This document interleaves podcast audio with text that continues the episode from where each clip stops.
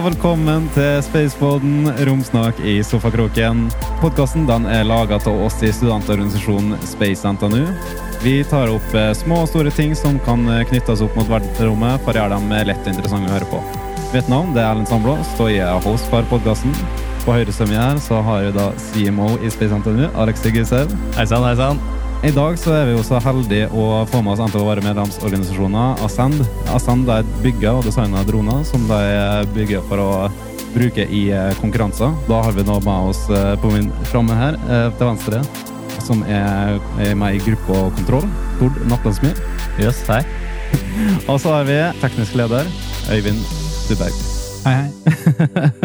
Hyggelig å være her. Mm. Det er godt å få dere her nå, så i dag skal vi lære litt om droner. Er du spent, Alexei? Ja, altså er du gæren, selvfølgelig. Altså, Droner er jo, det er jo hype. Det er jo hype, det siste, så, så absolutt. Mm.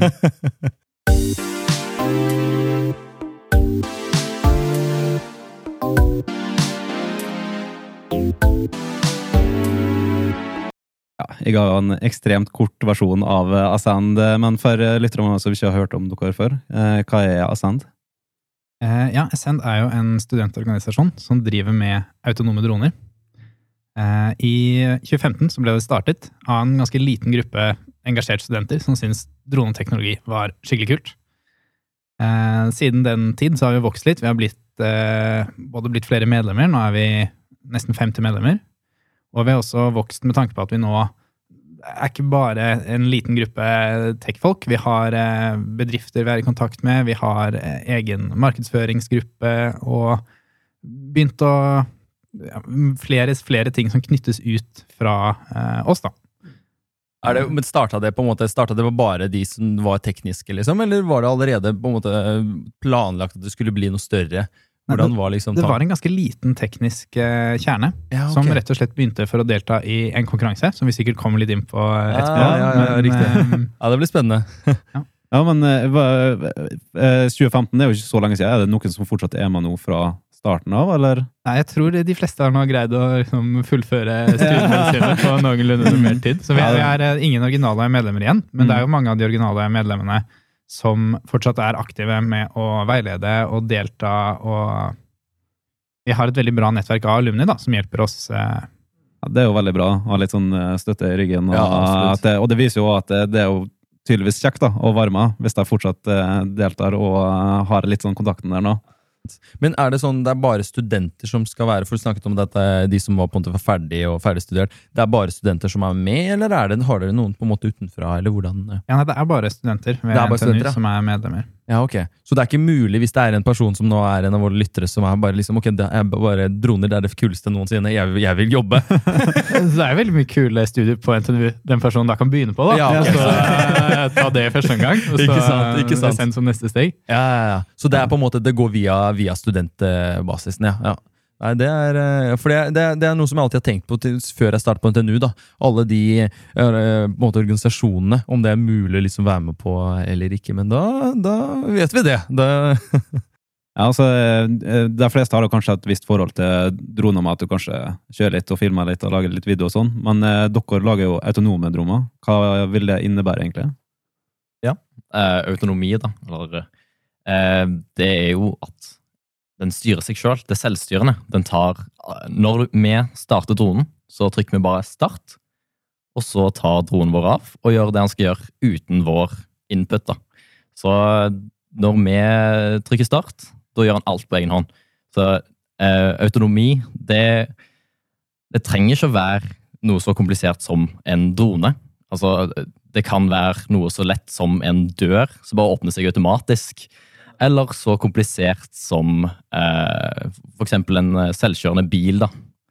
Det er jo litt artig. Det har du litt input på, Alexi. Ja, det er litt sånn at jeg, jeg, skriver jo nå, eller skriver og skriver, jeg skriver fordypningsemne. Eh, fordypningsemne, hva det sier, fordypningsprosjekt, og da senere master innenfor autonome biler.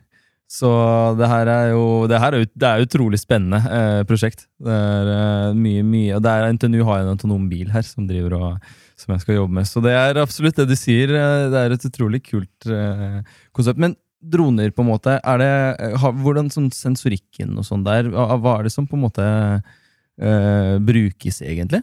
Jeg, tenkte bare aller først, eh, så må vi jo få vite litt hva en drone egentlig er. Ja, For det det er det et man hører Ja, veldig godt veldig mye overalt. Eh, ofte når vi prater med folk, så kan det bli litt misforståelser. Fordi når vi sier drone, så mener vi én ting, men når andre sier det, så mener vi en annen ting. Um, så jeg tror liksom En av de vanligste definisjonene på droner er at det er et ubemannet luftfartøy. Um, men det kan også brukes som andre ting. Drone, undervannsdroner er det mange som sier. Som er da ubåter. som er, eh, Man kan ha eh, landkjøretøy som er droner. Alt mulig. Um, men når vi snakker om droner, da, så mener vi ofte ting som flyr i lufta. Eh, og liksom hovedsakelig to ting. da. Droner med vinger og droner med liksom propeller. Eh, og det vi driver med mest, er jo droner med propeller. da. Eh, særlig sånn quadcoptere, som er mye sagt. da. Sånn at Hvis vi sier det i dag, så mener vi mest sannsynlig droner med propeller. Og hvis vi mener noe annet, så må vi utdype det. da. Eh, Men kan droner være på land, på en måte, i utgangspunktet? Hva betyr egentlig drone, liksom? Sånn er det, Betyr det noe selvkjørende? Sånn, eller, har det, eller noe som man kan styre? Rent eller var det liksom- sånn, ja, for det føles det er litt sånn rart, det uttrykket. Det er jo mange ulike definisjoner. Sånn at ulike folk vil gjøre det på. Man har jo bier, som man snakker om er droner også, som eh, på en måte, Det brukes i mange ulike fagfelt. Da. Ja, Så det er et sånn stort Um, begrep da, som tar for seg, tar for seg ganske mye der. Ja, ja, Ja. Spennende. Så om man er drone, så er man litt sånn eh, adlyder det ganske mye. Det er en sånn løs definisjon på det, da, men man vil ikke være en drone. Da bare følger man det man får beskjed om. Eh, Ja, sånn, ja, ja. Det er nøyaktig det droner gjør. da. De gjør det vi ber dem om. Eh, mm. Men, eh, Dere nevnte jo at det var litt sånn to typer forskjellige droner. Eh, Det ene var, ble litt mer som et fly og litt mer som et helikopter. Og så er det vinger og propeller. Ja, ok. Mm. Da er det selvfølgelig noen litt sånn eh, Frankenstein-løsninger som er litt, sånn, litt av begge deler. Ja. Um, men hovedsakelig av det man ofte hører, da, er uh, fixed wing, eller rotary wing, som brukes veldig mye da, i engelske begrepene. Um, jeg tror ikke det er så veldig mange gode norske begreper på akkurat det, eh, som jeg vet om. Nei, men jeg tenker ingeniør, ingeniørting, eh, det blir alltid, alltid, alltid engelsk eh, inn i alt, så det er umulig å egentlig fornorske alt sammen. Mm. så det er... eh, Og det lagde dere sikkert merke for dere konkurrerer jo blant annet i utlandet. Eh, dere er med i eh, Det var egentlig to hovedkonkurranser dere er med i, som jeg har forstått. Ene er IARC. Uh, kan du ikke snakke litt om det? Eh, ja, eh, IARC, det er eh, International Aerial Robotics Competition. Eh, det er en konkurranse eh, som går i USA. Eller vil si det er eh, en konkurranse, og så avholdes det fysisk i USA, og en annen konkurranse fysisk i Asia, for å gjøre det litt lettere for folk å reise. Men det er det samme oppdraget som går eh, alle steder. da. Det er jo denne konkurransen som SN ble stiftet for å være med i. Ja, det som startet sånn helt i starten, ja. Og vi har vært med hvert eneste år. Vi har reist til USA hvert eneste år, unntatt nå under eh, korona, hvor vi ikke har hatt muligheten. Um, det som er veldig interessant med den eh, konkurransen, det er at eh, den arrangeres hvert år. Men um, man snakker om oppdrag. Fordi man gir ut, eller arrangørene da, i USA gir ut et oppdrag som er veldig vanskelig. Eh, De sier da at dette skal være noe som er umulig, i hvert fall med dagens på en måte, eksisterende teknologi, dagens ferdige løsninger, så skal ikke det her være mulig. Eh, Og så gjennomfører man, man gjennomfører konkurransen kanskje over flere år, helt til noen har løst oppdraget. Sånn at det er veldig sjeldent at noen greier å løse det første året.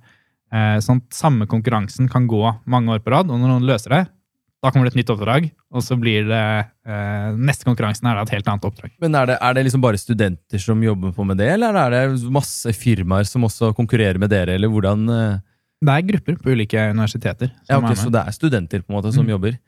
For du tenkte liksom, Hvis ingen har løst det tidligere, så er det jo ganske eh, heftig Det må jo være ekstremt vanskelig med tanke på hva, hvordan starter man? Hva, gjør- hva gjør han? liksom? Ja, men Det er jo det som er så gøy, da. Altså, det, det er jo ikke bare, det er ikke en fasit du kan se på. Du må holde på å drive med banebrytende ny teknologi, da. Som er utrolig spennende. Eh, Iallfall på teknisk nivå eh, spesielt. Og litt det der at man holder på helt til det er løst. Det, er liksom, det pusher oss litt for å finne nye, spennende løsninger. Hvordan eh, kan de altså prosjektene der, da, hva, hva kan oppgavene være? Typ sånn, Er det fly en drone fra A til B, eller er, skal du liksom få den til å gjøre syke manøvre, eller hva, hva er det den på en måte skal Ja, eh, så det er jo oppdragbasert, men eh, det er liksom ikke eh, Det er alt mulig eh, rart du kan gjøre med droner. Så enten om det er å interagere med omgivelsene og gjøre et eller annet, så for eksempel eh, eh, Mission 7, du kan snakke litt om det? Eh, Ja, det er jo første oppdraget Send var med i. Eh, Det har vært tre ulike oppdrag så lenge Send har gått eh, så langt. Det kaller vi da liksom Mission 7, Mission 8 og Mission 9, fordi de teller jo bare opp fra første oppdraget. Og det gikk ut på Da hadde man et eh, Det foregikk inne i en gymsal. Og så hadde man ganske mange sånne eh, robotstøvsugere. Sånne roombar, faktisk, som kjørte rundt på gulvet. Um, og de drev ikke bare og støvsugde. De, opp, de, de hadde et ganske enkelt program som kjørte på seg, men de hadde sånn at de kjørte rundt helt til de krasjet inn eller kom på en kant, og så snudde de i en tilfeldig retning og kjørte videre. Og, uh, så dette var bare det som var gitt av konkurransen. Mens målet da var å lage en drone som kunne fly rundt og gjete de her bakkerobotene fra ene enden av, okay. av måte, denne banen til den andre. Sånn at når man flyr, og så lander man da foran, og siden de da lander og bumper inn i noe, så vil de snu seg en tilfeldig retning og fly tilbake. Men så må du passe på, fordi noen av dem begynner å kjøre ut av banen, og det kan du ikke ha nå. Så må du fly rundt og prøve å eh, få de her på plass. da. Og da var det én drone, og det her må jo også da det gjøres autonomt, så det er ikke noen som kan si til den. Den må holde track på hvor alle disse bakkerobotene befinner seg, og gjete dem inn. da. Så det er et, et eksempel. Um, mens det neste oppdraget som var uh, etter det her, uh, det Mission 8, handlet mye mer om uh, interaksjon med mennesker å ta imot stemmekommandoer. Um, kunne tolke liksom, posituren til folk osv. Sånn typ sånn, altså Hvordan personen interagerer Så så sa jeg opp, og så fløy den Ja. opp, liksom. Og, Da, da var det på en måte å kartlegge et område. Så det var eh, fire droner. Og så skulle man da eh, ved hjelp av en operatør som kunne gi ut kommandoer, eh, bruke og liksom sende de fire dronene til å utforske området på egen hånd. Så det er på en måte eh, litt sånn semiautonomt, da, at dronene gjør sin egen ting. Men da det er en operatør som kan si liksom, ja, gå til dette området, gå eh, liksom til venstre her, der må dere eh, finne dette, da. Så det man søke å finne en del ting mens man unngikk hindringer eh, osv. Den Dronene må jo da unngå alle sånne hindringer automatisk, planlegge hvordan de skal komme seg dit de får kommandoen osv. Det, er, eh, det høres ut som veldig kule sånne konsepter på oppgaver. Da. Det er jo betydelig mer Jeg, jeg- tenkte det var liksom mye mer sånn rett fram. Liksom, her skal den fly dit, og så skal du bare få, få den teknisk til å fly bra. Men her har du masse AI, AI liksom, for å si det nesten slik. og virker som det er ganske variert, men er det liksom eh, Er det et ønske fra markedet? da, At sånn, det her er en problemstilling som vi skulle ønske hadde blitt løst, og så er det at dere hjelper til på en måte med ting som de sliter med? Det er jo ikke egentlig direkte knyttet opp mot markedet, men veldig mange av de utfordringene vi løser eh, som del av oppdragene, er jo ting som er veldig etterspurt i markedet også. Um, det er eh, Ja. Det kunne gått liksom brutt ned godt inn i detalj på mange sånne områder som er eh, interessante. Men um, det er litt det man merker når vi sier at det er umulig, så er det ikke fordi hver enkel bit av det ikke er mulig. Men det er fordi det er så mye å knytte sammen. Det er liksom litt det ingeniørarbeidet. At alle de tingene i de oppdragene vi har snakket om nå, er jo ting som måte, er mulig med teknologien vi har nå. Men å knytte alt sammen og få det til å funke, det er en ganske stor utfordring. Det er liksom mange ting som skal klaffe. Se for meg. Det er, det, det, det er som vi snakket tidligere om, det der det rakettforskning. Her er jo egentlig det som man nesten kan kalle for rakettforskning. For det her er det mye logistikk, her er mye ting. Her har du tekniske selve dronen i seg selv som skal fungere riktig, og dere bygger jo den fra scratch, så vidt jeg forstår. Det er jo sikkert noe som heller ikke er en lett oppgave. Men det, det med måte, bygging av drone, skjer det bare her? Bygger dere den på, en måte, på NTNU, eller hvordan, hva, hvordan ut, utvikles det? Ja, vi har jo et eh, kontor her på NTNU, eh, på eh, toppen av elektrobygget. Altså eh, bare rett i nabolaget her. Og eh, der bygger vi droner. Og av og til da får vi hjelp av eh, sponsorer da, til, til å produsere dronene, men i all sin helhet så er det egentlig vi som bygger dronene fra scratch. Altså, bestiller vi jo selvfølgelig litt deler inn eh, fra så det er jo ikke, Du lager ikke skruene og mutterne sjøl. Nei, nei, nei, så er det- altså, Her, her er vi tilbake Ja, til ja, ja, ja, Om opp med smelteren og begynne å lage. Men sånn er det, er det 3D-printing mye, eller er det jeg vet ikke, Hva brukes liksom av materialer? Glassfiber? jeg vet ikke, Det er jo kanskje tungt, men jeg vet Ja. ikke hvordan Karbonfiber er jo det som brukes mest, da, for det er så sterkt og lett. For Ja. at vekt, Når man eh, flyr, så er man veldig opptatt av vekt. At det skal ikke ha med oss mer enn vi trenger. Nei. Eh, For det er bare så så mye strøm vi har på batterier og lignende. Eh, Så det er all hovedsak det vi bruker. Vi bruker veldig mye 3D-printing i tillegg, for det er så lett å utvikle ganske kjapt. Man kan bare sette seg ned på en PC og tegne en eh, tegning eh, og trykke print, så får du den om en time eller to. Ja. Ja, kult. Og så- men softwaren og sånt, Mm. Er det noe det, på en måte, er det noe, noe det bruker det visse plattformer som er levert av andre, eller lager det liksom bare alt uh, selv? Den, uh... Det er litt sånn at vi må tilpasse til hvert enkelt oppdrag. Uh, Sånn at vi vet jo ofte ikke før vi får akkurat oppdraget hva som er egnet. Det kommer litt an på hvor stor dronen det skal være, hvor mye kan vi løfte med oss. Hvor stor er den Um, siste dronen dere lagde? da? Den siste dronen vi lagde, den er å, åh, Nå skulle jeg hatt akkurat størrelsen på den, men den veier jo tolv 12 kilo, da.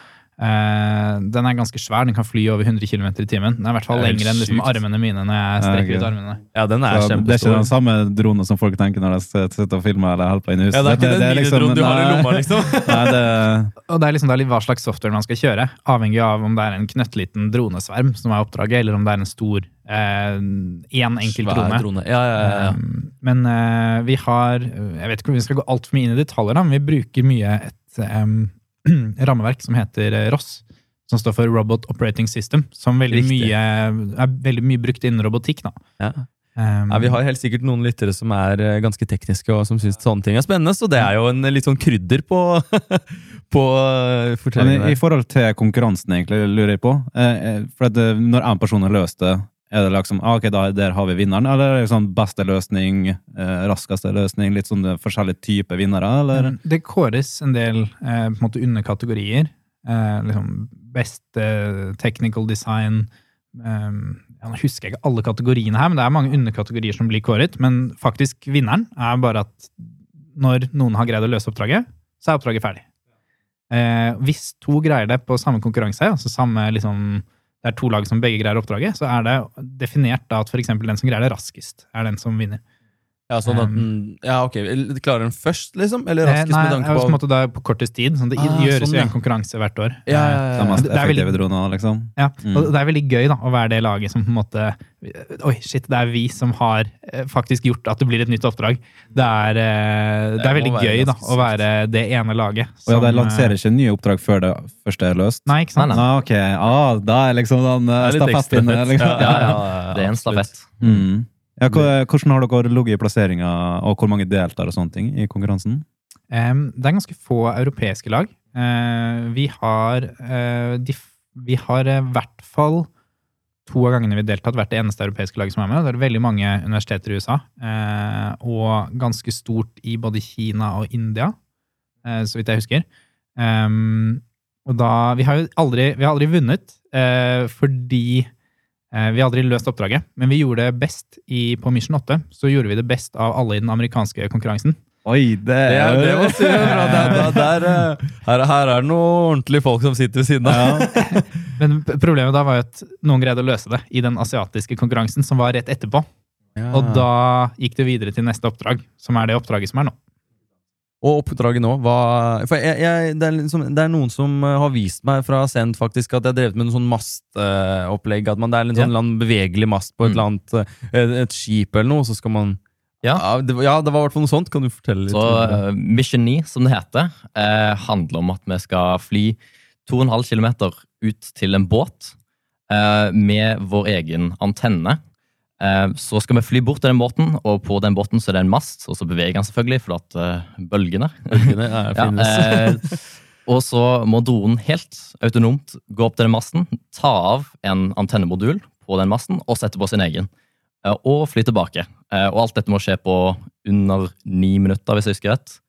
Ja, så det er utrolig krevende Ja, eh, teknisk. hva, hva er det som gjør det vanskeligst der? Er det på en måte det at du faktisk må drive og gjøre ting? At den faktisk må ta av, sette på bytte? Eller er det det å på en måte klare å manøvrere i bølgene? Eller hva, hva er det som på en måte er det vanskeligste utfordringen? Eh, Det er jo, eh, etter min mening, da, så vil jo interak interaksjonen mellom masten og dronen være den vanskeligste delen, for den er veldig uforutsigbar. Ja. For plutselig kan dronen hekte seg til masten, og hva hvis du bommer? Eh, Og hvordan skal du oppdage hvis du bommer? Skal du prøve igjen? Liksom, selve den logikken der er veldig vanskelig. Miste masten nedi vannet er jo også en ting. Da har du undervannsdrone som går med bare, ja, du, må, du må bygge to i én, at den bare kan dykke nedi og så bare tar opp masten. Da vinner du bare på den best, mest kreative løsningen, tror jeg. Ja, det du har, er at du, du fester en autonom drone med en person på, eh, så kommer han og Ja, hva- Så må vi notere ned litt Ja. ideer her. tenker jeg. Vi skal ta med oss dette tilbake til Jeg sitter en person oppå toppen bare. Ja, men det er sant. Ja, men da tror vi egentlig kan eh, gradvis gå over til en eh, løs prat. jeg.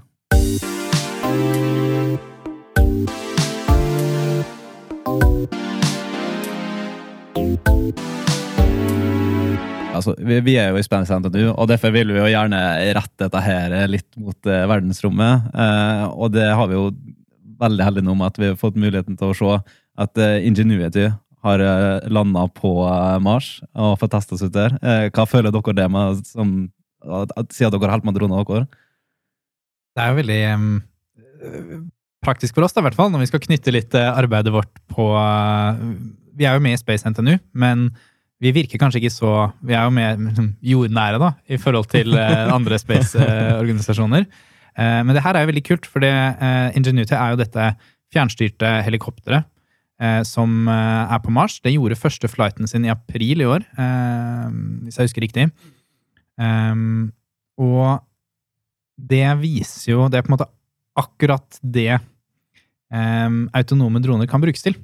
Fordi det er jo sånn at avstanden til Mars gjør at det tar eh, Selv på det nærmeste så tar det over fem minutter, tror jeg, i hvert fall tre minutter, å få radiosignaler til Mars i det hele tatt, pga. lysets hastighet. Og den dronen her flyr jo gjerne i 90 sekunder om gangen, den her eh, Ingenuity. Sånn at idet du får noe som helst tilbake fra den, så har jo den i virkeligheten landet eh, helt på egen hånd. Da, da, da er flighten ferdig. Sånn at her er det jo akkurat de samme systemene. Den må liksom navigasjonssystemer, hele det autonome, eh, det brukes i verdensrommet. Eh, og selv om atmosfæren på Mars er ganske annerledes, mye tynnere enn hvordan det er på jorda, så er det egentlig det samme liksom, fysikken, matematikken og systemene som brukes der, som er det vi bruker eh, her. Eh, og det er utrolig, utrolig gøy å se. Og det er jo derfor jeg liker litt romfart. Det er jo liksom at du ser den dualityen, da. At eh, ting som vi lager her på jorda, kan vi bruke ute der, og omvendt. Altså, når vi lærer, mye, lærer kanskje mer om droner etter at vi har brukt Ingenuity, som kan påvirke kanskje drone Har, Eh, fra framtida. Ja, ja, ja. Mm. Ja, det er absolutt det er veldig mye fra romfart som brukes til helt eh, vanlige ting. Altså litt morsomt sånn derre Du vet sånn puter som brukes eh, Hva, hva de heter da? Sånn som eh, å, nå husker jeg ikke nøyaktig men de som, ja, de som husker memory memory foam-puter. Oh, ja, sånn, ja, ja, ja. Og de er jo, det er jo faktisk utvikla av NASA til astronauter når de, skal når, de skal, når de skal fly opp, fordi den på en måte tar til seg veldig mye av det, de kreftene. da. Det er liksom, det er ganske morsomt hvordan ting gjøres. At det liksom, utviklingen der, så jeg tror Ingenuity og liksom videreutvikling av masse sånn kan sikkert absolutt uh, være med å utvikle dronene mer og mer. da. Det som er litt ekstra artig, er jo at han uh, piloten, eller jeg si, jeg vet ikke om det blir definert som pilot, men uh, Det er vel kanskje? ja. Jeg tror tittelen er faktisk eh, sånn chief pilot eller et eller annet sånt. Fra Ja, NASA. ja. Ja. Ja, han er jo norsk. Eh. Håvard Grippa eller Ja, noe sånt. Og han Mm. har jo studert på NTNU, så vidt jeg husker. Det er, Mm. det er ganske kult. da. Ja, det er Og det betyr at det er, ikke sant? Det, er, det, er, ikke- det er ikke space bare i USA og Russland Nei, og Kina. det er- Der, her er det liksom space i Norge òg. Og det er, det er noe vi alltid sier at det er Jeg føler liksom Andøya må bli større. Men Andøya må, altså, det må bli brukt. Og jeg tenker droner Altså At Norge kan bli faktisk et øh, land langt øh, framme med tanke på å utvikle, utvikle teknologi som droner og sånt videre. Eh, I hvert fall innenfor, eh, ikke bare romfart, men innenfor eh, altså, offshore med tanke på båter, sånn som den, det, det, det dere jobber nå. Det er jo utrolig, utrolig spennende. Er, eh, men i, den, den på en måte eh, Sånn i Norge, er det noen andre som jobber med droner, egentlig? Sånn, sånn faktisk? Av selskaper eller av eh, studenter? Ja, det, det er jo det. Altså, det er jo diverse selskaper i Norge som driver og jobber litt på fronten der, eh, med inspeksjon av master og f.eks.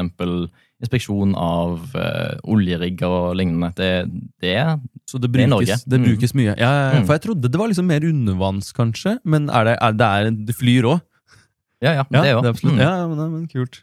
Til og med transport har du en del firmaer som driver med nå også, og bruker droner til å levere eh, blodprøver, eh, eksempel. Det skjer jo her, fra, eh, inn til St. Olavs fra Røros.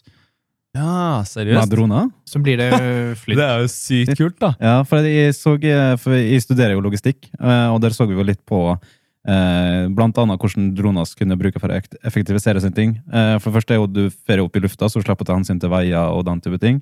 Eh, og så er jo fer du bare rett framover. Eh, og det er veldig gunstig. Ja, for det er en bedrift i Rwanda som holder på å bygge eller de har bygd, eh, droner som bruker f.eks. blodprøver og sånne essensielle ting da, som må transporteres veldig fort og effektivt, eh, og, og kommer trygt fram. da, Så bare sender de Men de bruker ikke propell, eh, men de bruker noen eh, Det er wing, ja. ja. Mm. Eh, så ja, det, det er absolutt appell både for transport og sikkert eh, overvåking. Eh, Og det gjør det så lett med droner, da, at det, det trengs veldig lite eksisterende infrastruktur for at du trenger luft og strøm. ja. Eller, ja? Altså, Plattform på en kvadratmeter. Og, ja, ja. Mm, det, det er så greit. Som eksempel land som Rwanda, som ikke har den aller beste infrastrukturen, kan ha som ganske kule, moderne løsninger. da, Å bruke droneteknologi. Ja. Mm. Men hva er liksom sånn, sånn som du sa, at de ikke brukte propelldroner, at det er mer mot, altså sånn et, som et fly, da. Hva er på en måte fordelen og ulempen på de ulike måtene å bygge på? Er det Det som er generelt, så er det hvis man skal fly veldig langt, så pleier man å bygge med vinger. Ok. Eh, fordi eh, en drone, en, en sånn quadcopter, eller en multirotor som vi kaller det, de som er propeller, eh, de må jo bruke energi på å holde seg oppe i lufta. De må jo spinne propellene hele tiden, bare for å motvirke tyngdekraften. Mens et fly er ganske mye mer effektivt, for det kan jo generere løft bare ved å bevege seg forover gjennom lufta. Så bruker du jo vingene, du trenger ikke å spinne opp en egen motor eh, for å holde det oppe. Da det ser jeg for meg. For jeg, da ser jeg for meg fordelen med eh, helikopterlignende. Da. At da, har du, da kan du stå stille, for det første, og at du Ja, mens jeg, skal langt bort Den begynner der. Langt bort, ja. Langt bort. Sant. Mm. Og, og det som er vanskelig med, med fly, er jo det å få landet og ta av. Eh, Da må du liksom, Å lande et fly må du ha ofte rullebane, da, eller det fins en del sånne artige løsninger. Jeg vet man på NTNU har sett på det å bruke nett. At man flyr Oi. da liksom kvadrokopteret i lufta og holder et nett. Sånn dronen Altså det, Kan da flyet liksom? kan bare fly inn i nettet, Ah, og så lander de ned igjen. Og så, sånn at du blir liksom fanget i lufta og sånne ting. Så man setter en uh, irritert person og setter og knytter opp der natta etterpå. Så de har, noe, de har noe lignende da i Rwanda. da. Den løsningen de har der, da, er at de har en, eh, en vaier. Så har uh, flyet på en måte en krok på halen. Så han kjører veldig nærme den vaieren, da. sånn at han blir hooka og fanga i luften.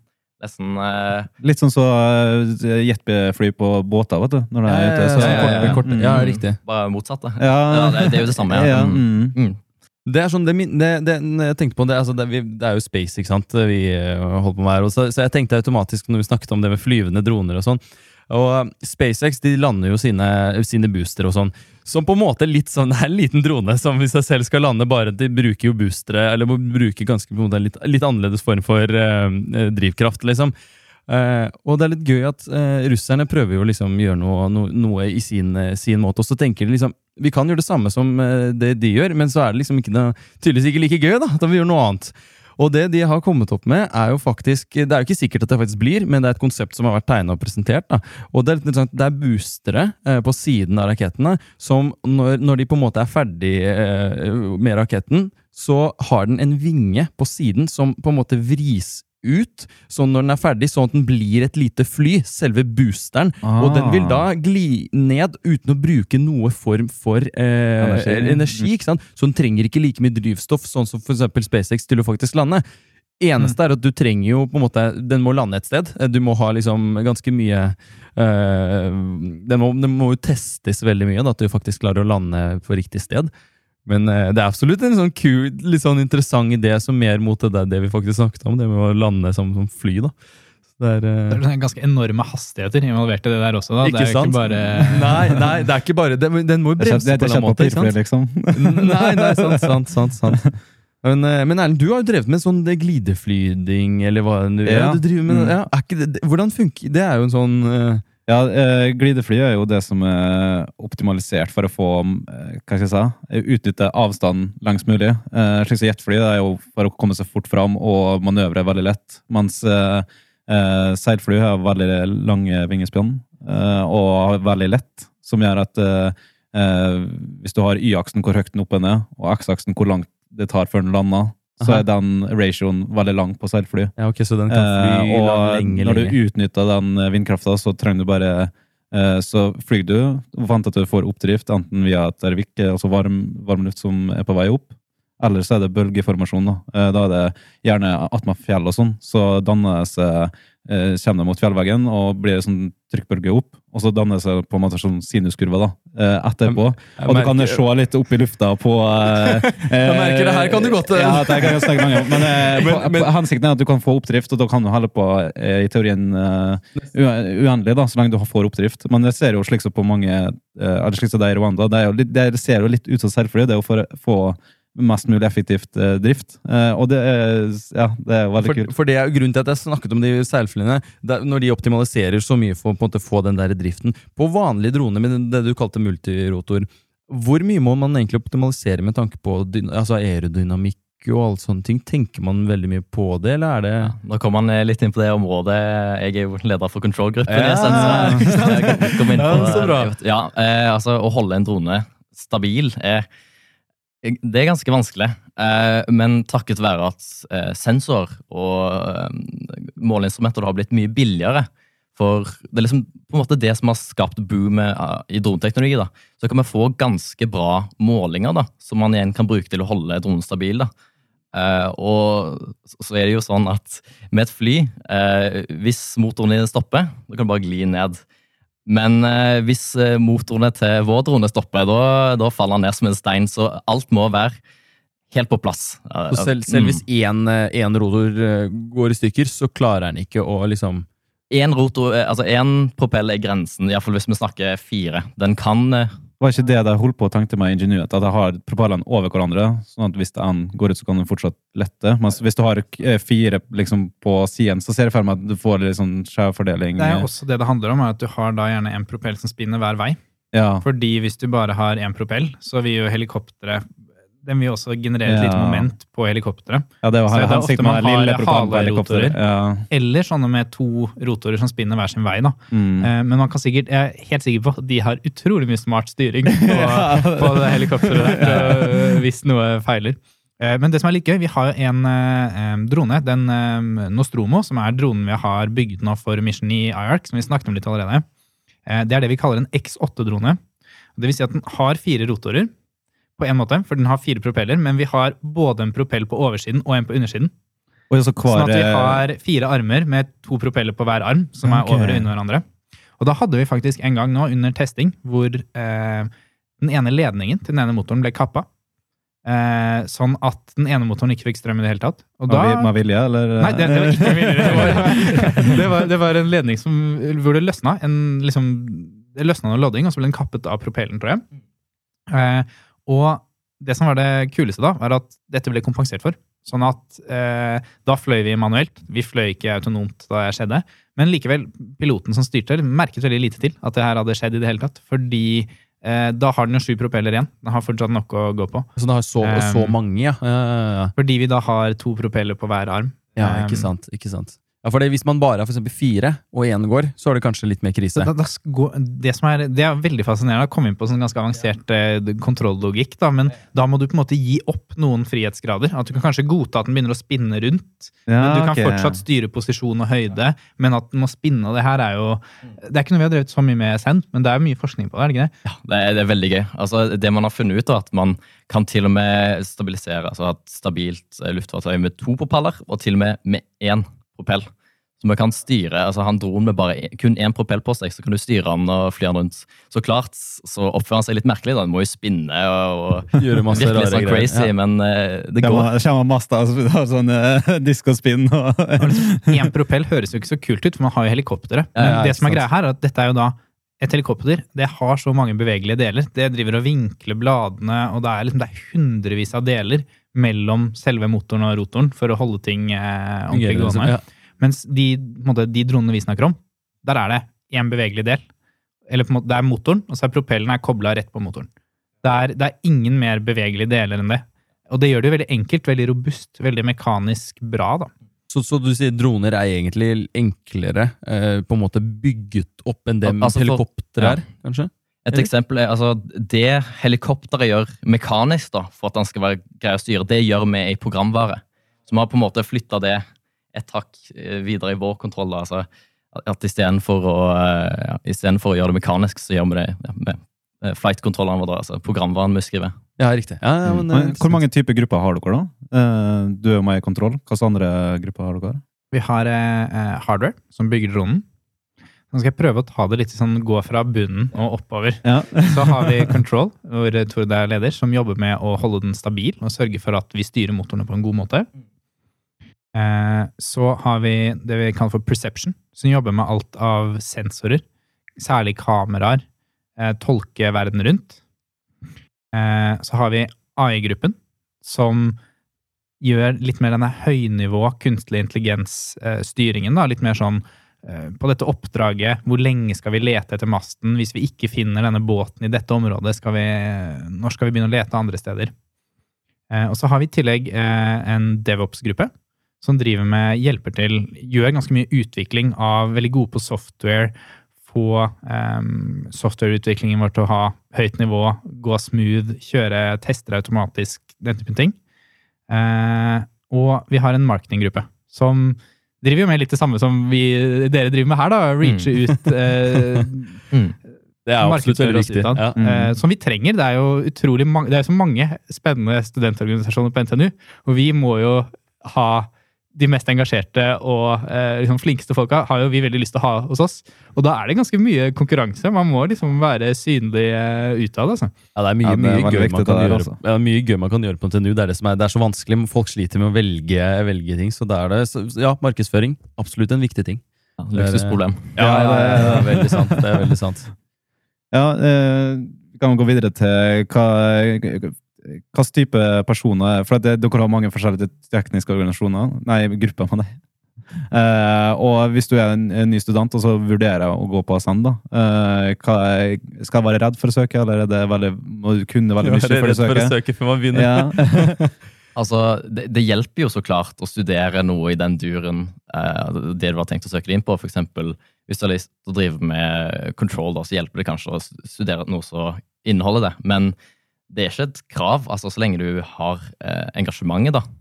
Eh, viser at du er villig til å lære.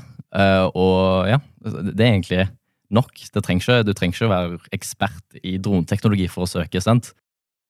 Så er, du man lærer det meste sammen med dere, eller hos dere, på en måte. Ja. Mm, Så har vi veldig mye kursing og sånt i starten, så alle får uh, bli litt mer up to date og bli vant til droner. Altså eksempel drone 101-kurs og litt sånn. Og jeg bare tenker liksom Perception, for eksempel. Da. Mm. Det er jo et veldig vanskelig tema, egentlig. Det er jo masse, det er masse algoritmer. Du har, du, har, du har så mye som på en måte må, man må kunne. da. Men er det noe på en måte som man faktisk klarer å faktisk lære hos dere selv, om at man kanskje ikke har hatt så mye av det før? Ja, vi har jo ehm, på eh, det og i fjor så var jeg leder for eh, Perception-gruppen. Og vi hadde eh, Vi var totalt eh, åtte stykker, og vi hadde tre eh, førsteårsstudenter som var der.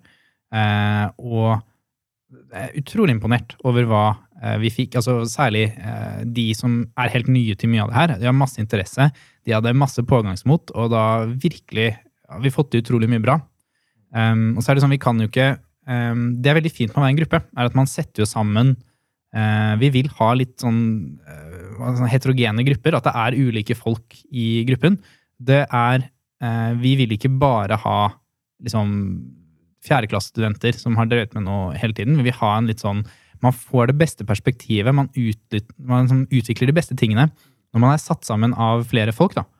Uh, og det er jo også jeg, da jeg, jeg begynte jo sendt første året jeg var her i Trondheim. Og jeg syns det var utrolig kult å lære, og liksom, selv om jeg ikke kunne og forsto alt som skjedde, og liksom å lære av de erfarne folka som er med der. da. Mm. Og det var veldig kult, og for jeg merker nesten med alt de studerer, så er liksom når du ikke får måte, plassere det til noe spesifikt, så er det litt vanskeligere å lære. Men for det første blir det jo artigere å lære, eh, når du kan bruke det til eh, i en teknisk Faktisk gjøre noe, liksom. Ja, Og så er det jo eh, kult å se hva du kan bruke det til. Eh, og så lærer du veldig mye mer da, altså når du skal studere mer. sånn sånn, shit, det kan jeg jo bruke til å tolke den eh, Ja. eh, i algoritmen til PlayStation, for eksempel. Eh, så ja. Det er så, så stilig at eh, hvis du da går noe, altså, studerer et eller annet som er ganske relevant for Ascend, så trekker man de parallelle. sant? Eh, Plutselig lærer man et eller annet på studiet som kan bruke i Ascend, og motsatt. De liksom eh, utfyller hverandre. da. Det er sikkert veldig gunstig hvis du skal begynne å jobbe med det. da. Så Ja. har du prøvd det ut, og du har, kan det litt mer. Men vi har jo ganske mange lyttere som da er, ikke studerer ennå, eller kanskje er ferdigstudert og vurderer å studere noe annet, eller eh, som er langt utafor Trondheim òg. Og spørsmålet er, hva syns dere om å være på en måte student eh, her og da kunne jobbe på en frivillig organisasjon? Hvordan, hvordan er hverdagen, liksom? Ja, jeg, jeg pleier å si at jeg eh, gjør sendt på heltid og har eh, studie på deltid. Men det er bare meg, da. jeg syns det er utrolig gøy eh, å bruke tid på. Så det er det jeg har lyst til å drive med. Eh, men så klart, man må jo studere. Ja, ikke sant? Det er jo Ja. fort eh, Men er det, tar det mye tid, føler du? Eller er det på en måte positivt at det tar den tiden det tar? Ja, altså Det handler litt hvor mye man legger inn i det sjøl. Jeg bruker ganske mye tid på SND, men det er jo så klart av fri vilje og eget engasjement. Ingen sitter på eh, taklabben som heter kontoret vårt, og pisker meg hvis jeg ikke gjør ditt og, ditt, eh, ditt og datt. Eh, Det er ikke som en på en måte fulltidsjobb hvor du på en måte, eller deltidsjobb hvor du, du får visse ting nå med dette gjøres der og da. Har du ikke gjort det, så er det helt krise? Eller er det har jo en viss struktur, så klart, eh, men jeg ville sagt det er snillere, mye snillere enn eh, vanlig arbeidssted. Det er jo masse folk som er der frivillig, og Mm. som synes det er skikkelig gøy. Um, og for å klare oppdraget så må vi ha noen tidsfrister, ting som må gjøres osv. Men som en frivillig organisasjon så er man helt avhengig av at folk syns det de driver på med, er morsomt.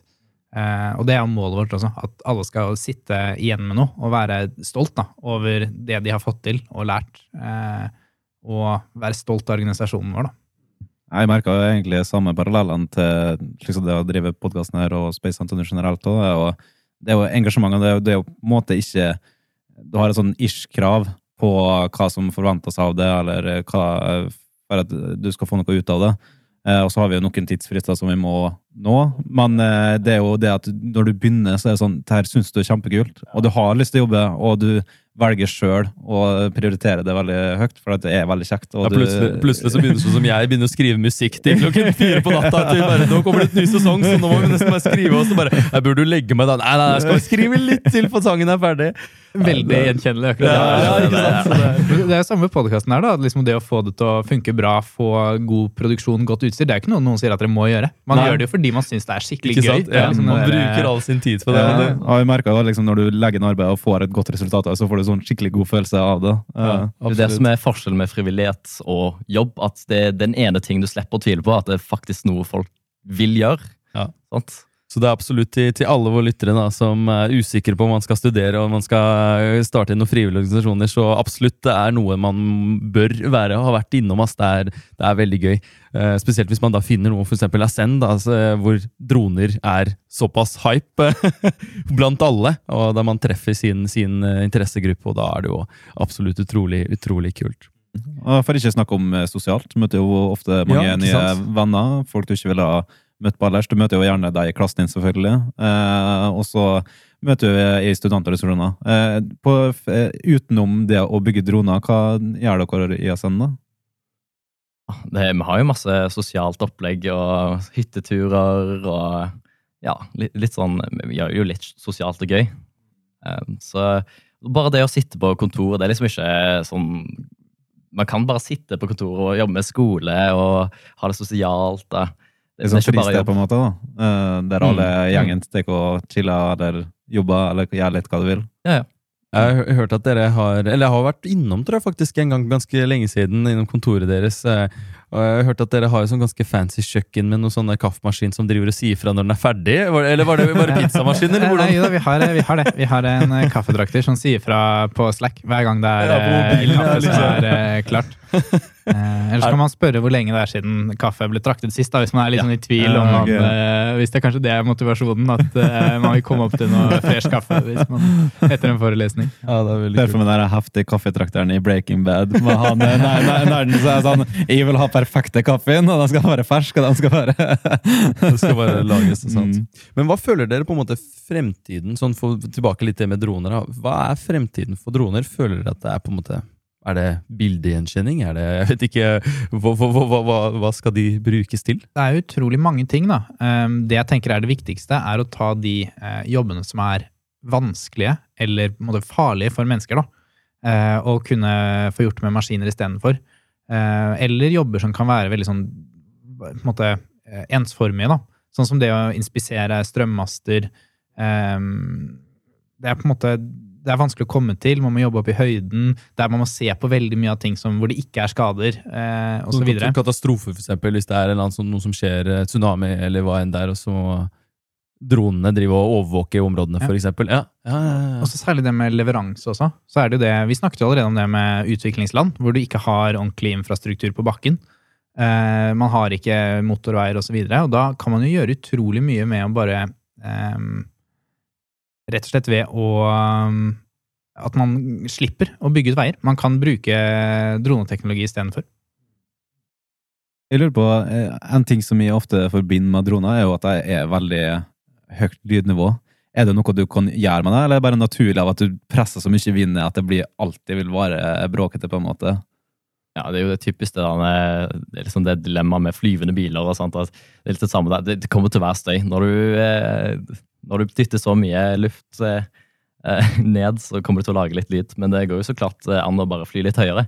Ja. Da høres ikke dronen. Mm. Eh, Nei, men jeg tror det framtida er jo lys, og det, droner tror jeg blir mer og mer av. Ja. Og bare det hvis man ser på pris på liksom en hobbydrone, hvor kjapt det har gått ned i pris, og hvor lett det er å bare begynne med droner sjøl, om det er fly eh, med sånne VR-briller, eh, eller om det er eh, autonom eh, utvikling av teknologi. Altså, det er veldig lett å starte med. Det ikke, man trenger ikke så særlig mye. Man trenger laptop til å skrive litt kode. Selve dronen, en kontroller, kan man bare begynne å starte. Bare droneracing. Dronesport er jo noe som er kommer mer og mer opp. Å fly eh, ikke bare liksom Formel 1 på bakken, begynner å få liksom droneracing. Der tror jeg vi nesten må runde av. Så for deg som syns det var interessant, så er det bare å bygge den drone eller kjøpe en. Hvis det er vanskelig. Eller dra en sånn. Ja. Ja, nei, eh, da må vi dessverre takke for denne episoden. her. Eh, Takk til dere som hørte på. Takk til Tord og Øyvind for at dere kom hit og representerte Ascend. Ja, nei, takk for at vi fikk eh, komme hit. Ja. Null takk. problem. Så vil vi takke Fram for at vi får bruke lokalet deres her.